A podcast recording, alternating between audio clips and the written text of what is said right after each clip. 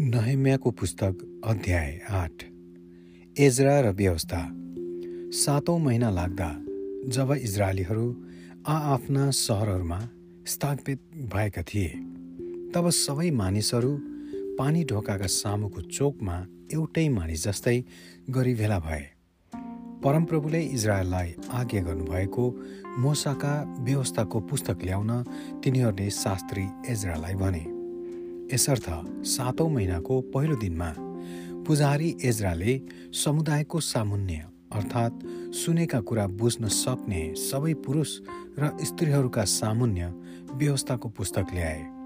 तिनले त्यहाँबाट पानी ढोकाका सामुको चोकपट्टि फर्केर बिहानदेखि मध्य दिनसम्म पुरुष स्त्री र बुझ्नेहरूको उपस्थितिमा पढे। र सबै मानिसहरूले व्यवस्थाको पुस्तकबाट पढिएको कुरा ध्यानसँग सुने।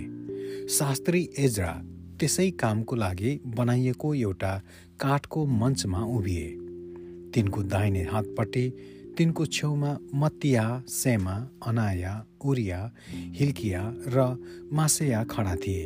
तिनको देब्रेपट्टि पदाया मिसाय मल्किया हासुम हसबदाना जकरिया र मसुलाम उभिएका थिए।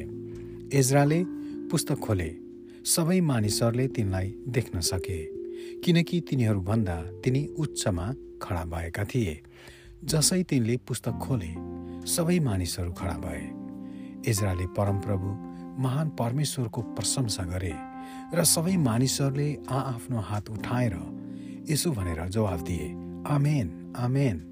त्यसपछि तिनीहरूले आआफ्नो शिर निहुराएर परमप्रभुको सामुन्य नम्रतापूर्वक दण्डवत गरे। लेबीहरू यसुव बानी सेर्बिया यामिन अकुब सब्बतै होदिया मासेया कलिता अजरिया योजाबाद हानान पलयाले चाहिँ मानिसहरूलाई आआफ्नो ठाउँमा उभिएकै बेला व्यवस्था बुझाइदिए।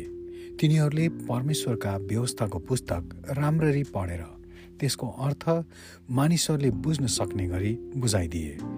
तब राज्यपाल नहेम्या पुजारी शास्त्री एजरा र मानिसहरूलाई शिक्षा दिइरहेका लेबीहरूले तिनीहरू सबैलाई भने आजको दिन परमप्रभु तिमीहरूका परमेश्वरको निम्ति पवित्र छ विलाप नगर अनि नरो किनभने व्यवस्थाका वचनहरू सुनेर तिनीहरू सबै रुँदै थिए तब नहम्याले तिनीहरूलाई भने अब तिमीहरू जाओ स्वादिष्ट भोजन खाओ र मिठो पेय पदार्थ पियो र आफ्नो निम्ति जुटाउन नसक्नेहरूलाई पनि भागलाई पठाइदियो। किनभने आजको दिन हाम्रा परमप्रभुको निम्ति पवित्र छ। उदास नहो किनभने परमप्रभुको आनन्द नै तिमीहरूको बल हो। लेबीहरूले यसो भनेर मानिसहरूलाई शान्त गराए चुप लाग किनभने आजको दिन पवित्र छ उदास नहो। तब सबै मानिसहरू खानपान गर्न अरूहरूलाई भाग पठाइदिन र धुमधामसित उत्सव मनाउन गए। किनभने तिनीहरूलाई सम्झाएको कुरा अब तिनीहरूले बुझे।